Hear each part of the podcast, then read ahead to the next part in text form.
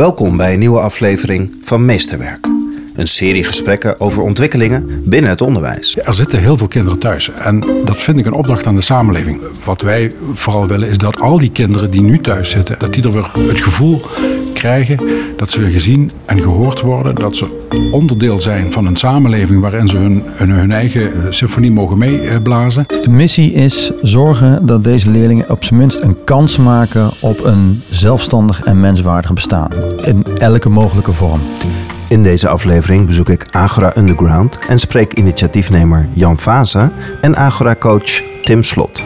Dus die ouders die hadden gewoon te maken met gewoon uh, vleermuizen in de vorm van kinderen waar ze thuis mee leefden. Dat die gewoon alleen maar s'nachts uh, achter een computertje zaten en overdag sliepen. Underground, ze zitten nu ondergrond. We zien die kinderen allemaal niet. En het is eigenlijk aan ons de uitdaging om ze weer bovengronds te halen en te laten meedoen. Agora Underground is er voor die kinderen die thuis zitten. Vanwege het niet beschikbaar zijn van een passend onderwijsaanbod voor deze leerlingen in de eigen regio. Wij zijn degene die ervoor gezorgd hebben als onderwijs samen dat het om een of andere reden niet gelukt is. Wij hebben ook de verantwoordelijkheid om het te repareren. Mijn naam is Janja Pubeek en dit is Meesterwerk.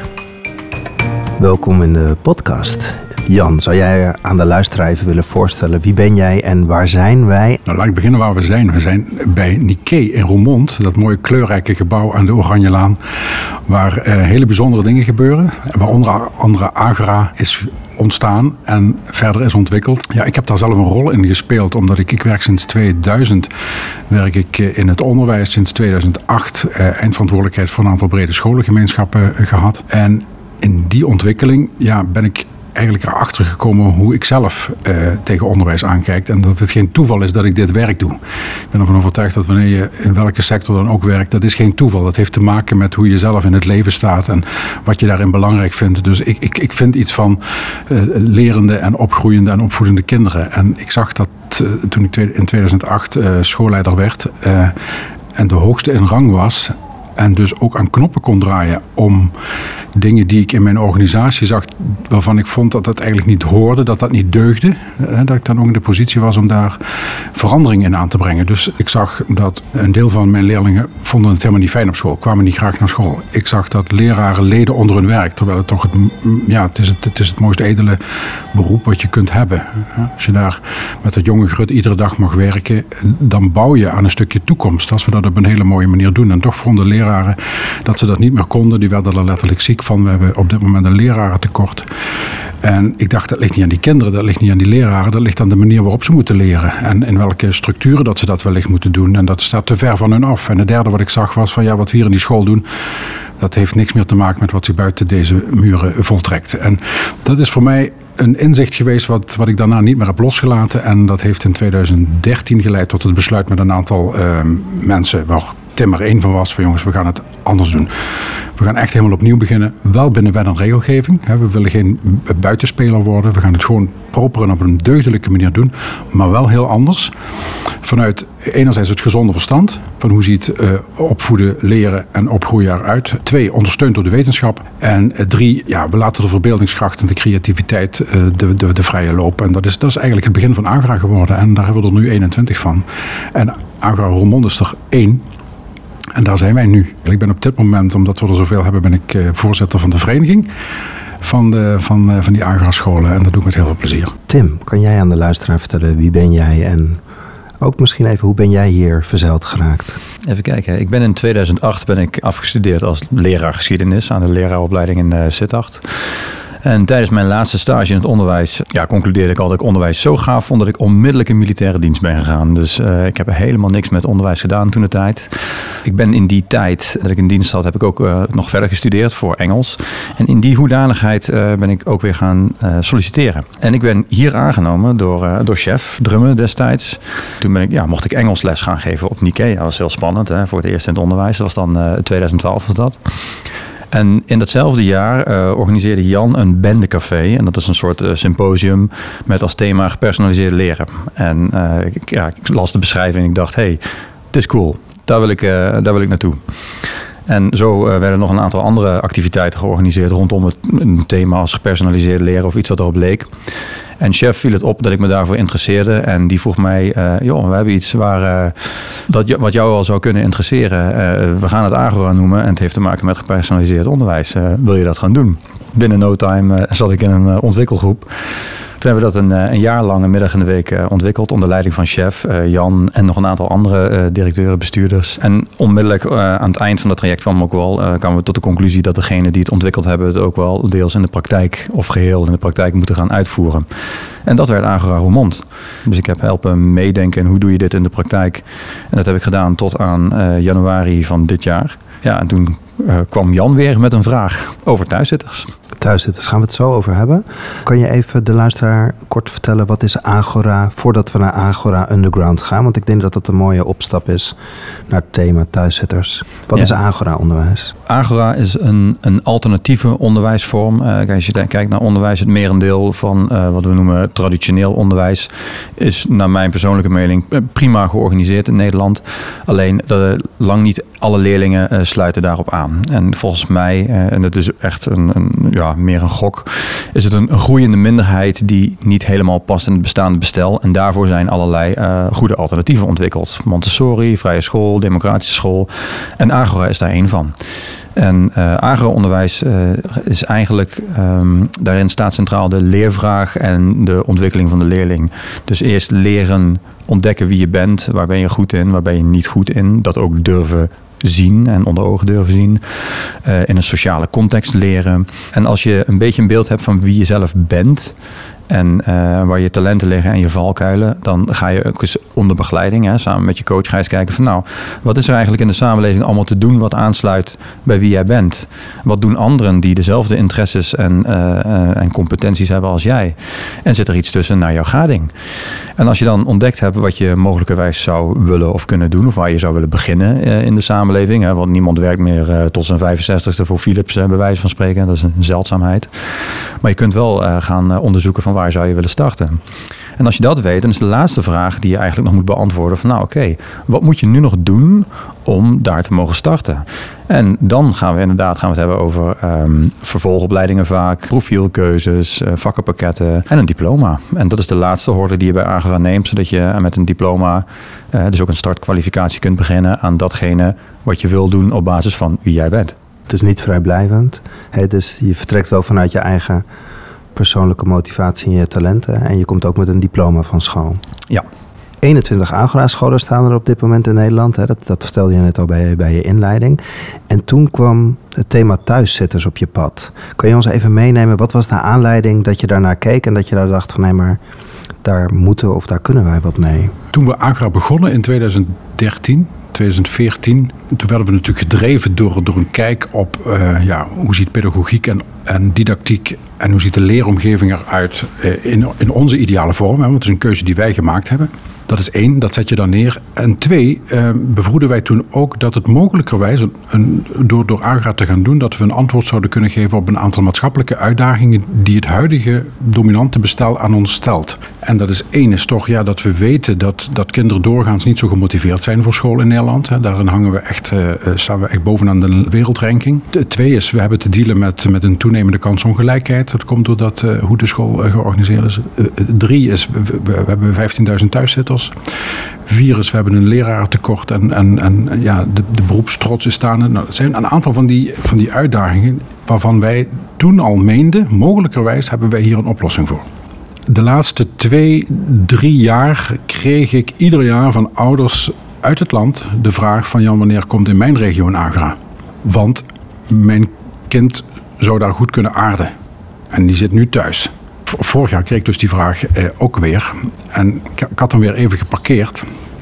Tot bij de diploma-uitreiking kwam ik Tim tegen. We raken zo aan de praat. En dit is het moment om antwoord te gaan geven op die vragen van die ouders die ieder jaar bij mij komen. Waarvan ik zeg van jongens, ik kan ze nu niet beantwoorden. Als er geen agra is in jullie buurt, dan komen wij naar jou toe. En dan gaan wij uh, aan de slag om voor die thuiszitters vanuit de pedagogiek en de didactiek die we hebben en de ervaring, de enorme ervaring die we hier daarmee hebben opgedaan, waarvan we weten dat heel veel kinderen, ook thuiszitters die hier al op de Agra zaten, of in Nijmegen, of in Zevenaar, die daar succesvol waren.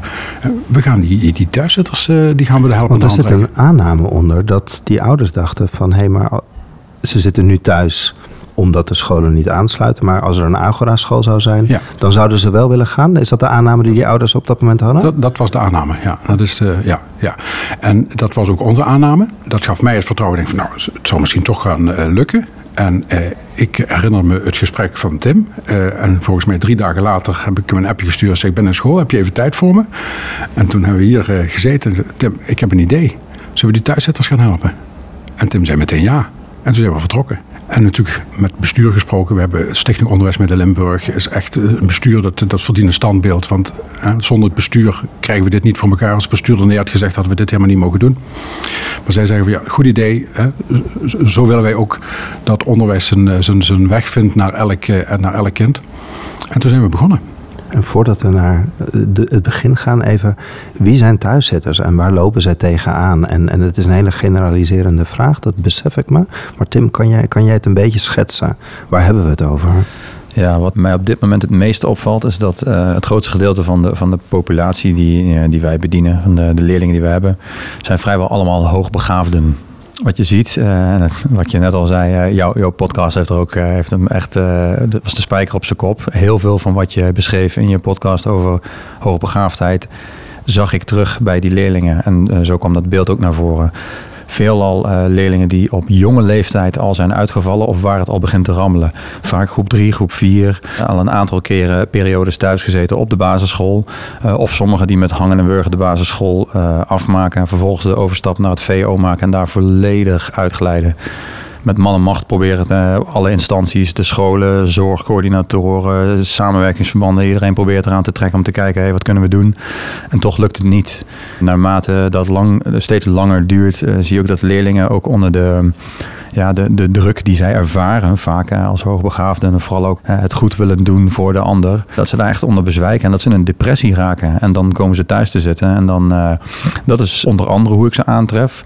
Eh, sommigen zitten al eh, heel lang thuis, al jaren. waarbij de ouders bijvoorbeeld al veel tijd en energie gestoken hebben in, in therapie. Wat heel goed is overigens. Dan zijn ze emotioneel vaak al ja, voor een groot gedeelte hersteld. En hebben het gevoel van nou, ik zal wel eens weer eens wat kunnen. Maar ik wil niet meer naar een gewone middelbare school. Nou, en zo eh, heb ik er een, eh, een aantal gekregen. En, en dat, is een hele dankbare groep. Daar kun je echt, eh het zijn echt fantastische kinderen waar je, ja, die, je, die je kunt helpen. En de anderen die zitten nog helemaal in de beginfase, in een soort van rustfase. Die zijn sommigen net uitgevallen of pas een, een half jaar. Ja, die zijn nog helemaal aan het bijkomen van de schok. En, en moeten ja, leren accepteren dat ze thuis zitten. En dat ze niet meer meedoen. En proberen te verwerken wat ze eigenlijk allemaal hebben meegemaakt. Hoe ze daarmee moeten omgaan. Het lijkt mij zo enorm eenzaam als je de, de hele maatschappij om je heen ziet die naar school gaat. Of het idee in ieder geval hebt dat je naar school gaat. En jij past daar niet in. Hoe, hoe is dat als kind? Ja, dat weet ik niet. Nee, maar wat kom je Nee. tegen? Wat je over het algemeen terug hoort, is dat ze het wel heel graag zouden willen.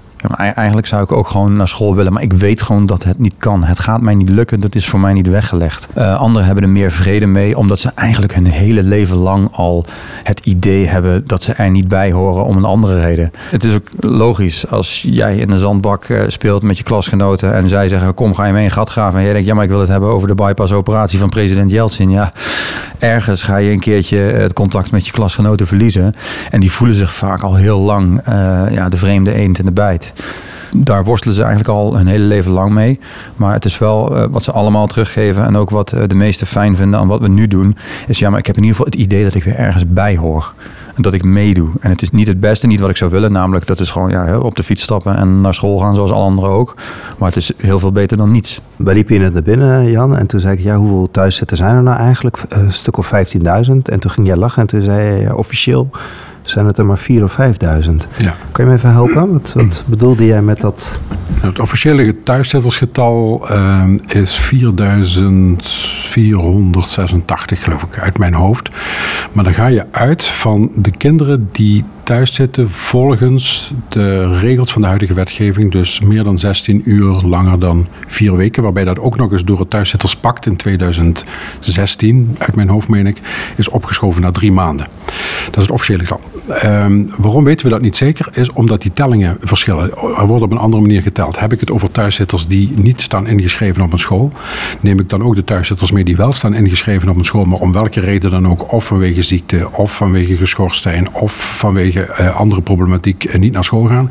Nou, als je die allemaal meeneemt, hè, dus dat, en dat heeft uh, de Stichting Balans heeft dat, heeft dat onderzoek gedaan, om al die groepen bij elkaar op te tellen, dan kom je op een, op een aantal van 15.000, rond de 15.000.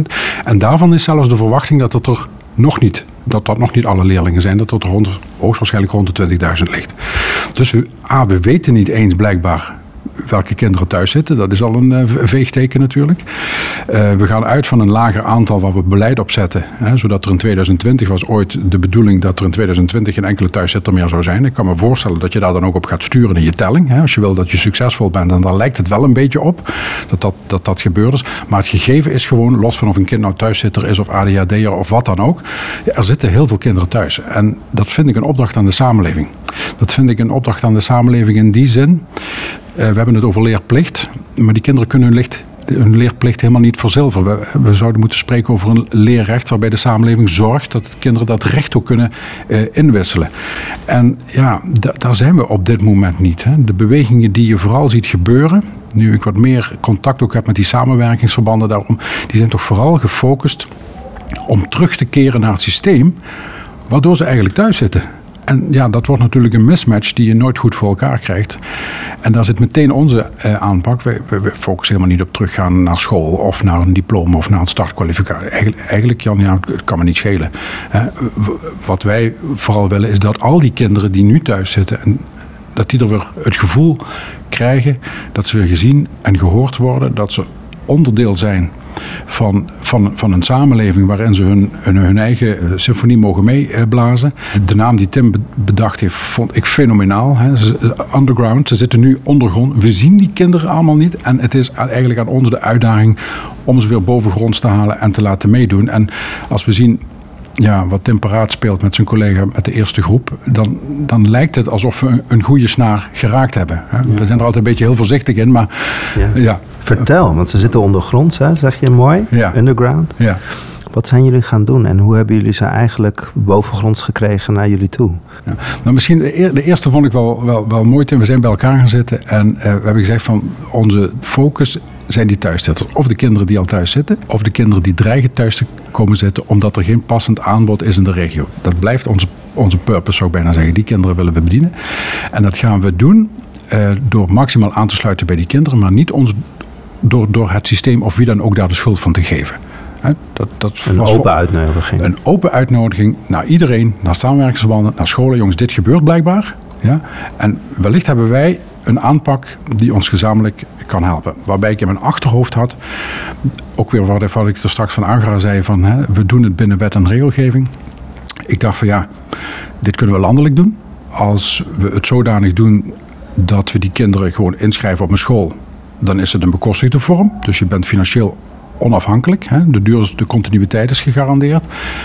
Als ik ze inschrijf en ik heb een bekostigde vorm, dan kan ik dat met bevoegde leraren doen. Mensen die echt verstand hebben van, van, uh, van, van zaken. En we hebben ook nog dat beproefde pedagogisch-didactisch concept. Dat maakt in beginsel onze aanpak eigenlijk wel solide, maar ook met een zekere purpose en focus op waar we het voor doen. En, maar goed, ik, ik, ik hoefde alleen maar met Tim te denken, maar hij had de geweldig edele taak om met die kinderen te gaan doen. Kunnen we iets voor deze kinderen betekenen? Is er iets mogelijk? En uh, we hadden natuurlijk net die, uh, uh, ja, ze volop in die coronaperiode. En ik weet nog heel goed toen we hier de deuren sluiten op, op Agora. Uh, toen hadden we zelf in gedachten als team van, nou ja, goed, als we, als we binnen 14 dagen eens een keer de boel een beetje aan het rollen hebben, dan uh, mogen we in de handjes wrijven. Niet wetende dat binnen 48 uur was het gepiept. Uh, de kinderen waren allemaal online in een dagstart aanwezig. Iedereen had gewoon zijn coachgesprekken op orde. ja, aan het eind van de schooldag sloot je ook weer online met je groep af. En daarna ging je gewoon met je team overleggen en reilde en zeilde alles gewoon door. En die kinderen deden het eigenlijk best oké. los van het feit dat het, dat het niet ideaal is om niet fysiek onderwijs te genieten. Maar ze deden het goed goed. naar de omstandigheden. En toen bedacht ik me, ja, maar als dat, als dat kan met gewoon reguliere, tussen haakjes, Agora-leerlingen, dan kan het met alle leerlingen. Toen bedacht ik me, nou ja, als uh, Jan het over die groep thuiszitters, ja, dat kan. Dat gaan we ook gewoon op die manier gaan we het proberen. En op die basis zijn we het ook gaan organiseren. Dus ik ben eigenlijk gewoon die lessen die ik hier geleerd heb van Mond uit ervaring. En vooral ook vanuit die coronaperiode ben ik gewoon gaan toepassen op, op Underground. Dat klinkt nog heel makkelijk, maar waar kwamen ze vandaan? Kwamen ze uit de regio? Kwamen ze uit heel Nederland, zoals Jan zegt? Nee, als we, ik denk als we er nou nog eentje uit Friesland zouden hebben, dan hebben we alle randen van het Koninkrijk vertegenwoordigd. Meen je dat? Ja, echt. Uit, van alle windstreken hebben ze wel. In Roermond, bij jou? in jouw coachgroep. Juist, want het is een, eh, het is een cybercommunity. Het is allemaal online. Een van de dingen die wij ook doen, wat ik geleerd had van Nike jaren geleden al, wat van onschatbare waarde is als mentor of coach of begeleider, is het uitvoeren van een huisbezoek. Ga erheen. Uh, praat met de ouders. Uh, vooral ook met de ouders. Want uh, die hebben ook vaak een lange leidersweg achter de rug. en die hebben ook een beetje zorg en aandacht nodig vanuit het onderwijs. Iemand die naar hun verhaal luistert en die naast hen komt staan en zegt: joh, het komt wel goed. Of ik denk met je mee in ieder geval. Je, je staat er niet alleen voor. Je gaat bij ieder kind ga je even langs. Zodat je eens kunt kijken van nou, wie ben je nou eigenlijk? Hoe, hoe ziet het eruit als jij gewoon ontspannen bent? En wat is jouw, jouw, jouw fijne omgeving eigenlijk? Wat we ook doen is proberen in den landen op een centraal punt. Nou, meestal kom je dan uit op Utrecht uh, of uh, Contraien. Om een samenkomstdag te organiseren. Al was het maar zodat kinderen weer in een sociale setting bij elkaar komen. Wetende, ja, ik hoor bij dit groepje. Dit is mijn clubje. En dat hebben we tot nu toe maar twee keer gedaan. En dat had echt helemaal niks met, met onderwijs te maken. Maar gewoon simpelweg, we brengen jullie bij elkaar. En de eerste keer was een, een WhatsApp moordspeurtocht door Utrecht. hartstikke leuk om te doen. Was, destijds kon dat alleen maar omdat het coronaproof was. Een van de leerlingen die is, uh, ja, die is helemaal gek van de Efteling. En die had ik beloofd, als corona toelaat, dan gaan we ook gewoon een oldschool schoolreisje doen en dan gaan we naar de Efteling. Dat is heel vreemd uh, om te zeggen, omdat je onderwijs altijd associeert met lessen en toetsen en vakken. Maar als je met zo'n groepje door de Efteling loopt, zonder dat je het doorhebt, vallen je een heleboel dingen op over, uh, over je leerlingen. Bijvoorbeeld, hé, hey, maar jij gaat echt uh, thematisering van bepaalde achtbanen. Dat vind jij helemaal geweldig. Of hé, hey, je bent constant, zoek jij aandacht van kleine kinderen. Dan ben je op een hele natuurlijke manier, ga je daar heel prettig mee om dingen vallen me op. En die neem je mee in je gesprekken van... hey, dit heb ik gezien. Wat denk je ervan? Kun je het zelf verklaren?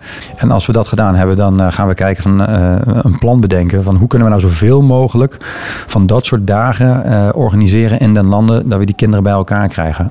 Je had het net over de podcast Hoogbegaafdheid. Wat ik daaruit geleerd heb is op het moment dat kinderen die hoogbegaafd zijn bij elkaar komen, dat er heel snel een match is. Gebeurde dit ook in de Efteling of bij jullie eerste WhatsApp-moordspel? nee, niet per se. Ehm, maar dat heeft er denk ik ook mee te maken dat, wat ik notabene ook van jouw podcast geleerd heb, is dat, ze, dat zij onderling net zo verschillend zijn als de rest van het segment van de bevolking, zeg maar. En een, een, aantal leerlingen inderdaad, die hadden heel snel een klik en uh, met elkaar, elkaar gevonden, maar een aantal ook helemaal niet. En voor een deel heeft het er denk ik ook mee te maken met hun verleden. Dus niet zozeer het feit dat ze niet bij, uh, dat hun interesse niet zouden aansluiten, maar vooral ook omdat ze, velen hebben toch wel een, een pestverleden of andere nare ervaringen op school en zijn heel gesloten, terughoudend en ja, gereserveerd daarin. En die moeten dus echt leren en, en wennen aan het feit dat het oké is om jezelf te zijn. En dat je ook gewoon dingen mag vinden en, en naar elkaar mag uitspreken. We hebben het nu over die momenten dat je bij elkaar komt. Maar het grootste deel is dus online. Wat, wat doen jullie en hoe bied je dan wel onderwijs aan? Hoe ziet dat eruit voor, voor de leek als ik die niet weet hoe dat eruit ziet? Nou ja, als je een beetje wat leest over psychologie, dan leer je al snel dat routine is iets dat is belangrijk voor de gezondheid van mensen. Dus een dagstructuur, en dat hoor je ook als je de ouders vraagt van ja, uh, soms, uh, sommigen die hadden hun een, een dag- en nachtritme omgekeerd. Dus die ouders die hadden gewoon te maken met gewoon uh, vleermuizen in de vorm van kinderen waar ze thuis mee leefden. Dat die gewoon alleen maar s'nachts achter een computertje zaten en overdag sliepen. Dus het was eerst noodzakelijk dat je weer een ritme en een structuur creëert. Dus een van de dingen die ik wil is dat ze om negen uur s ochtends online achter een Chromebook of achter een device zetten om in te bellen, want je gaat naar school. En je gaat ook niet naar school in je Pikachu onesie bellend vanuit je bed. Nee, je bent gewoon gewassen, geknipt, ontbeten, alles erop en eraan. Dan zit je gewoon aan een werkplek of iets wat erop lijkt. En dat doen ze allemaal. En we sluiten de dag samen af om kwart voor drie, van kwart voor drie tot drie. Dan uh, hebben we een dagafsluiting. Gewoon even weer checken. Uh, is iedereen er nog? Hoe was je dag? Daartussenin heb jij gesprekken met je begeleider, met je coach die variëren enorm van per kind. Uh, ik dacht eerst uh, van, nou, ik, ik, doe het gewoon exact zoals bij Agora. Daar hebben we een, uh, een soort projectmethodiek die heet werken met challenges. Ik was nog zo, zo naïef dat ik dacht bij al die hoogbegaafden, nou, dat vinden ze helemaal geweldig. En als ik ze dat allemaal aanbied, dan springen ze daar allemaal als wolven bovenop. Nou, het was er één. Hoeveel kinderen heb je in je groep? ik begon met acht. En nu? Uh, we zitten nu op 17. Mijn valkuil eigenlijk was dat ik weer pretendeerde dat ik wel een receptje zou hebben dat voor al die kinderen werkt. Maar juist dat, het proberen uh, ze een, een, recept aan te smeren wat, wat niet echt bij hen past, ja, dat werkt gewoon helemaal niet. Dus ik leerde al snel, je moet echt per kind op zoek gaan en maar wat werkt voor jou wel. Dus ik heb er een aantal die, die zijn nu uh, bezig met staatsexamens, of dat proberen zijn. Dan gaan we samen onderzoeken van nou, wat, ja, wat moet je eigenlijk kunnen? Nou, dan pak je de syllabus erbij van, van eh, van de overheid, van Duo. En uh, ga maar aan de slag. Ja, ik weet ook niet wat, uh, wat, wat, exact fotosynthese is, maar jij gaat het mij vertellen. En de een wil dat graag doen met schoolboeken. Nou prima, we hebben hier een uitstekend boekenfonds. Dan organiseren we wat boeken en dan sturen we dat op. En de ander zegt van nou nee, ik wil het zelf uitzoeken. Dus ik ga mijn eigen bronnen wel bij elkaar sparen. Prima, dan gaan we kijken, weet je überhaupt wanneer bronnen betrouwbaar zijn? Noem het maar eens op. En zo heeft iedere leerling heeft wel iets. En andere leerlingen, daar heb ik het helemaal niet over leren. En dan mag, mag ik van geluk spreken dat ze überhaupt online aanwezig zijn, dat ze met me willen praten. En daar moet ik echt nog heel veel investeren in gewoon babbelen. Dus echt gewoon contact maken met, uh, met, met, een leerling en, en, proberen te ontdekken wie ben jij eigenlijk. Af en toe dan stel ik wel een vraag over uh, onderwijsgerelateerde dingen. Hè. Iets met taal, iets met rekenen. Goh, zou je niet eens, of heb je zin om? Dan merk ik bijvoorbeeld dat zo'n leerling helemaal dichtklapt. Of doet alsof hij alsof die jou niet hoort en praat over iets anders. Nou, dan weet je gewoon dat je in ja, een, op een pijnlijke plek zit te drukken. En je moet als begeleider gaan aanvoelen van um, wanneer moet je daar nou even doorheen. En uh, zul je dus eventjes uh, op een houtje moeten bijten om ja, te groeien. En wanneer moet je niet doordouwen omdat je gewoon echt in iemands ja, schooltrauma zit te roeren. En dat moet je gewoon dat moet je niet forceren. En dat is constant het, het spel wat je speelt. En, en eigenlijk de, de puzzel die je aan het leggen bent. Je bent constant op zoek naar wat is het volgende puzzelstukje wat, uh, wat jou verder zou kunnen helpen. Maar jij bent op 17 schaakborden tegelijkertijd aan het schaken. Bij elk kind heb je iets anders te doen. Ja. Nou, hoe, niet, hoe ziet jouw dag eruit dan? Want je begint om 9 uur met de hele groep? Er zijn een aantal waarbij uh, uh, die gezegd hebben. E-, eentje vorig jaar die zei van ja, sorry, uh, ik vind het een, goed idee, maar voor mij is het gewoon niet relevant. En ik ga dit jaar wil ik gewoon afstuderen van mijn VWO. En ja, maar nou, ik, ik moet me daar echt op concentreren. En ik heb gewoon geen, geen trek erin om, om dit te gaan doen. En, en weer een ander zegt ook iets vergelijkbaars van ja, nee, ik wil me echt op schoolvakken concentreren. En ik, ik heb hier gewoon geen trek in. En eentje die, die durfde gewoon niet. Zeg van ja, dit voelt voor mij te veel als druk en als verplichting. En dan ja, nee, dat, dat voelt gewoon niet fijn. Nou prima, dan doen we het niet. Dan hebben we gewoon alleen uh, één op één gesprekken. En die heb je dan daarna? Vanaf tien uur heb jij één op één gesprekken? Uh, ja. Maar dit vraagt heel veel tijd om met, met elk kind hè, in rust wie ben je? Welk, stapje kan ik met jou nemen? Ja, nou, die, die tijd heb ik ook. Want uh, uh, het is niet zo dat ik nu 17 leerlingen heb, anders zou het van zijn leven niet te doen zijn. Dan, uh, dan, moet, je, dan moet je eten en slapen gaan overslaan. Nee, ik heb, dit jaar heb ik een oud collega van mij, het team hier in Roermond, ja, die is ons komen versterken. Dus we hebben de, ehm, de leerlingen verdeeld. Hij heeft nou, begeleidt nou negen leerlingen en ik begeleid de overige. En alleen maar tot aan een derde collega die ook waarschijnlijk op zijn laatste in januari gaat starten. Dus alleen maar bezig zijn met, uh, met gesprekken voeren met die kinderen, met ouders. Uh, uh, relevante dagstarten ontwikkelen, samenkomstdagen organiseren. Proberen andere initiatieven erbij te betrekken. Met, met, scholen eventueel overleggen, kijken wat is mogelijk in de landen. Jan, we krijgen een heel mooi bevlogen verhaal. Hoe elk kind gezien wordt en, en, en bij de hand wordt genomen. En dat kost veel tijd, dat kost veel aandacht. Waar ik even naar zoek is, wat is er aan de achterkant nodig om dit mogelijk te maken? Want als uit alle windstreken komen, ik, ik weet eigenlijk helemaal niet hoe de maar, maar kan je je inschrijven als je in Friesland woont, kan je inschrijven in Roermond. Dus wat heb jij aan de achterkant of met de politiek, je gaat lachen? Tim zegt, kinderen hebben tijd nodig, tijd en rust nodig, dat heeft Tim ook nodig. dus in eerste instantie hebben wij samen verkend van ja, Tim, hoeveel leerlingen zou je überhaupt aankunnen? En toen kwamen we op een getal van acht op basis van de ervaring die hij heeft hier in, hier Roermond. Dus dat is ook meteen ons, ons eikpunt geworden van een, een, een leraar bij Underground heeft maximaal een groep van acht kinderen om ook echt de tijd voor ze te hebben, maar ook de tijd voor jezelf om. Ja. Dus het eerste wat we te regelen hebben is voldoende financiële middelen om uh, één leraar op een groep van acht uh, te zetten.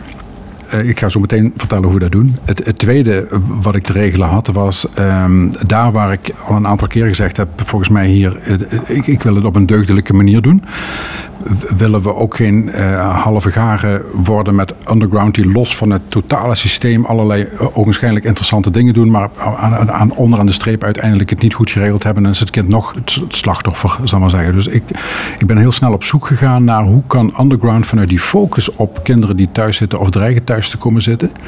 Er zijn dus mensen ouders, maar ook samenwerkingsverbanden die hier een probleem hebben. Het lukt blijkbaar niet om die kinderen uh, te plaatsen. Hoe kan ik die voor mij winnen en onderdeel te worden met Underground van dat systeem? Waarin wij zeggen van jongens, we hebben de oplossing mogelijk niet, maar mogelijk ook wel. Ja? Geef ons, maar geef vooral die kinderen een kans. Dat is één. Twee is, al was het maar, omdat als het goed is jullie die kinderen kennen een thuiszitter in Nederland kost gemiddeld 125.000 euro per jaar. Dat is uh, omdat het kind thuis zit, omdat hij uh, ziek wordt, omdat ouders niet kunnen werken, omdat hij misschien in de criminaliteit wordt. Er zijn vaak vier, vijf zorginstellingen zijn betrokken bij dat systeem, bij dat gezin en zo. Noem maar, maar allemaal op. dus ja, het moet ons wat waard zijn uh, om dat op te lossen. en als wij dan een kind ook plaatsen in underground, willen we dat ook op een hele goede manier doen. Maar dan heb ik wel ook naast de rijksbekostiging heb ik additionele middelen uit de, de passende onderwijsmiddelen nodig. En dat hebben wij dan vastgesteld op 7.500 euro. Dat was het idee wat we hadden. En zo ben ik het gesprek aangegaan met die samenwerkingsverbanden. Ik had in het begin, ik weet niet hoe dat met jou zat, Tim, de naïeve gedachte in het begin. Jongens, we moeten op de rem gaan staan, hè, want dat loopt allemaal storm hier. En voordat je het weet, hebben we hier straks iets van 1500 thuiszetters die we moeten gaan bedienen. Nou, niets eh, bleek eh, minder waar, eh, Jan-Jaap, want al, al längst kwamen we er ook achter hoe weerbarstig het systeem is. Wat aan de ene kant um, de thuiszitters veroorzaakt. Ik, ik, ik, ik sla het nu even plat. En datzelfde systeem wat aan de andere kant een belemmering is om het op te lossen. Omdat natuurlijk ja, iedereen het met de allerbeste bedoelingen voor heeft met die kinderen. Ik las zelfs in een onderzoek dat door de wet op passend onderwijs... dat er 35% meer thuiszitters zijn ja. door, door dit systeem. Is dat daaraan ik, gerelateerd? Ik, ik, kan het niet hard bewijzen natuurlijk... maar ik, ik, heb wel door de zoektocht van, de laatste, van het laatste jaar ontdekt... dat het systeem passend onderwijs niet deugt het lost het probleem wat we willen oplossen volgens mij niet op. En daar gaat heel veel geld in om. Uh, waarvan ik denk van dat konden we beter uh, besteden. Dus, dus met de beste bedoelingen om dat kind te helpen, uh, raken we eigenlijk meer kinderen met, kwijt. Ja, ja, met de beste bedoelingen maken we het probleem groter dan het, dan het op dit moment is. Dus ik heb met een aantal samenwerkingsverbanden gezocht van, kunnen we dit vereenvoudigen? Kunnen we dit heel simpel maken? Zouden wij een, een overeenkomst met elkaar kunnen sluiten waarin we als samenwerkingsverband, als ouders en als underground met de school, als die nog in beeld is, want heel veel leerlingen hebben ook een vrijstelling van, van de leerplicht. Hè, dat, dat, als je dat al op je laat inwerken eigenlijk, hè, dan wordt vaak gebracht als goed nieuws. Maar eigenlijk is het het ergste oordeel wat je kunt krijgen als kind. Want dan doe je echt nergens meer aan mee. En dan sta je dus echt aan, aan de zijkant. Dus die kinderen die zijn vaak ook niet in beeld bij samenwerkingsverbanden. Hoe, hoe, hoe, hoe kunnen wij op een hele eenvoudige manier samenwerken, zodat jullie niet die ouders. Want in eerste instantie melden die ouders melden hun kind bij ons aan vanuit en zeggen van oh, een zekere opluchting. En ja, fijn, en mag die starten. Maar dat ging natuurlijk niet werken. Ik, wij wilden echt die samenwerkingsverbanden aan boord hebben, omdat zij in de regio een rol vervullen rondom passend onderwijs. Zij hebben de middelen en zij hebben ook de expertise om voor ons te kunnen bepalen van ja, dit is echt een thuiszitter of dit is, dit is het niet, dit hoeft niet. We hebben in de regio nog allerlei uh, mogelijkheden. Nou, daar vonden we elkaar in. Dat heeft geleid tot een samenwerkingsovereenkomst. En daar staan een aantal uh, dingen in waarvan de wetgever nu zegt van ja, maar ja, dat mag niet. Dat mag niet. En dus uh, toen wilden die samenwerkingsverbanden wel. Maar toen zei de inspectie passend onderwijs of de inspectie voortgezet maakt allemaal niet uit. Ja, dat mag niet. Daar geven wij geen goedkeuring voor. Dus toen zeiden die samenwerkingsverbanden, oh ja, maar dan doen wij het ook niet. Want uh, Underground doet dingen die niet, uh, die niet mogen. Terwijl iedereen vindt dat dit een heel goed idee is. Blijkbaar mogen samenwerkingsverbanden hun middelen passend onderwijs niet overdragen aan andere samenwerkingsverbanden. En zeker niet wanneer ze zover uh, uit elkaar liggen. De kinderen worden hier ingeschreven in Roermond wij kunnen wel een zorgplicht hebben voor het jaar dat ze hier ingeschreven staan.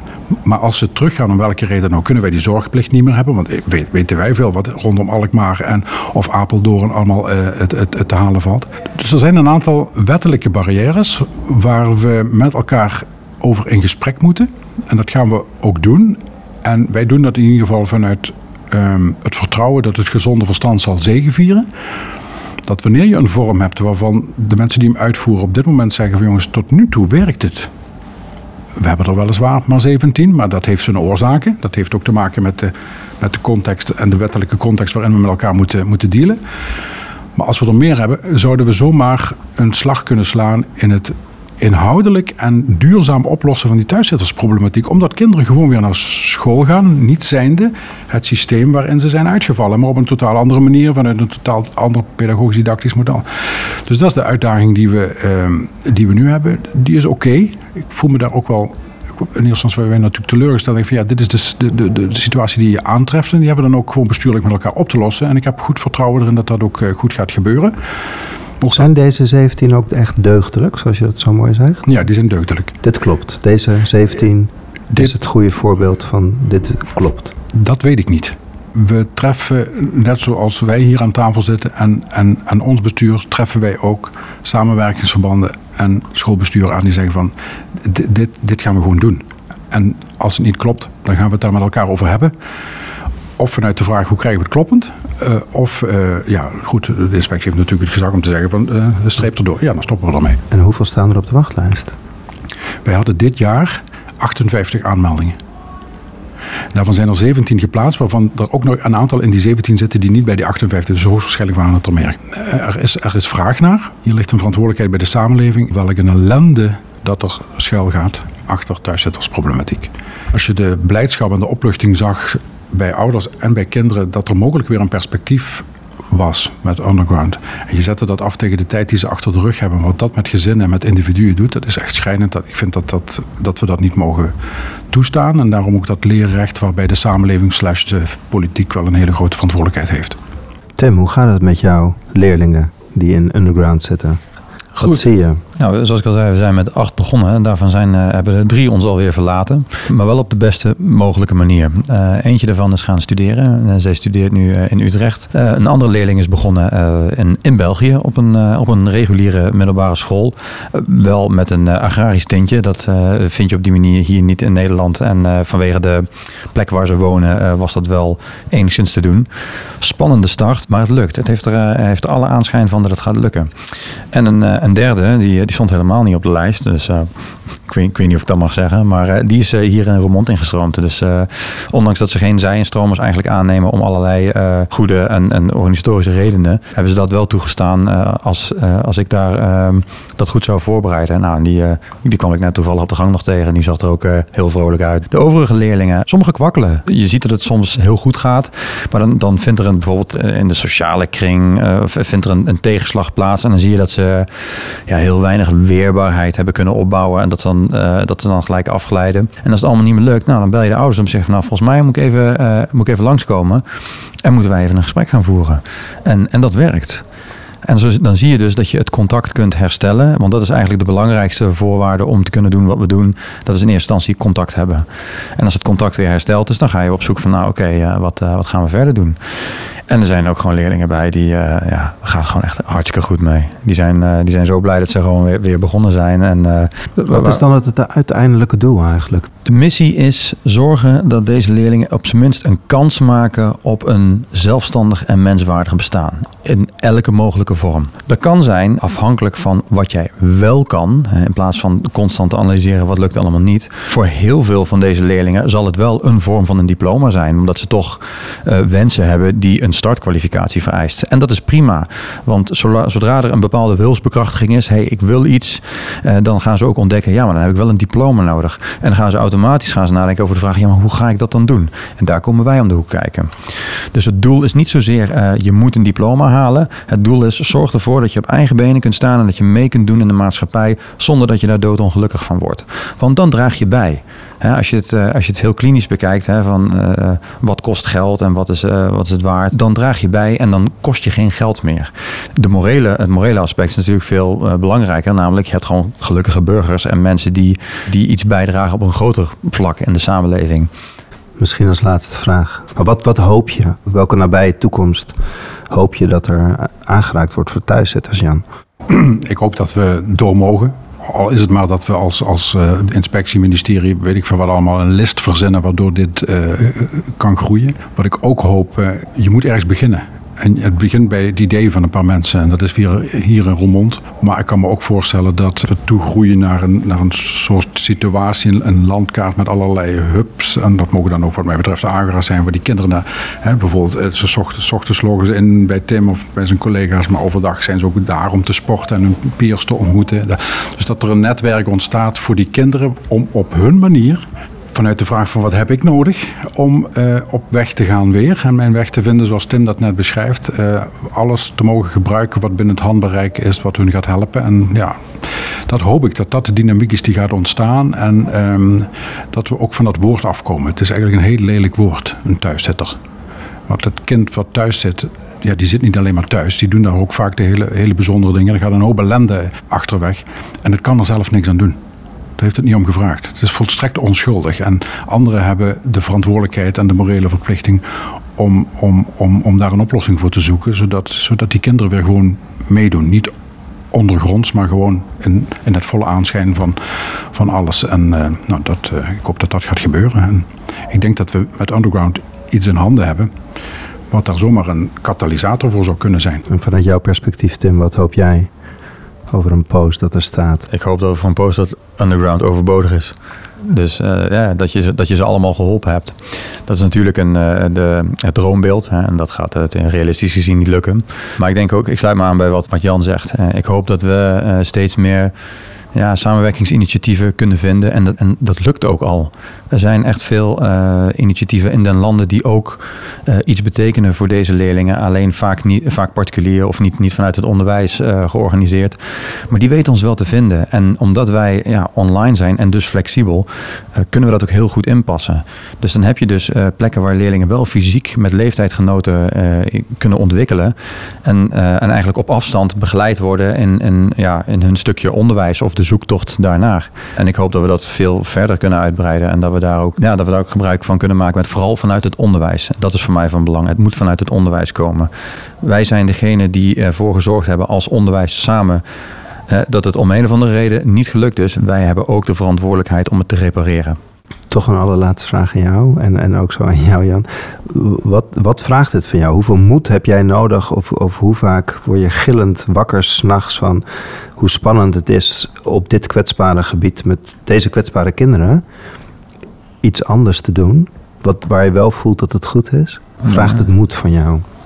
Weet ik niet. Ik doe het gewoon. Het, uh, geen idee. Het was gewoon iets wat aansloot bij wat bij mij past. En het is wel spannend. Dat, dat kan ik je wel bekennen. Ik heb af en toe, uh, denk ik echt na over, oké, okay, ik heb er dagen tussen dat ik, dat ik de computer uitzet om vijf uur en denk, oh, oh mijn god, ik heb echt geen idee wat ik aan het doen ben.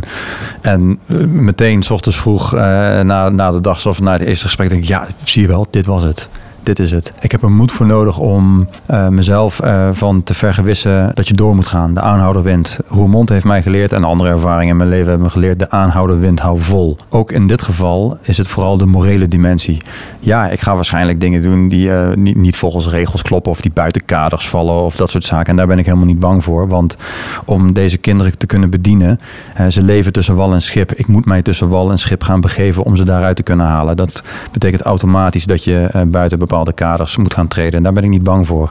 Het enige waar je, wat je goed op de radar moet houden is, is het moreel juist? Doe je de juiste dingen? Daarom noemen we het ook eerste hulp bij onderwijs, onze EHBO-post. Namelijk uh, zorg ervoor dat een kind beter wordt.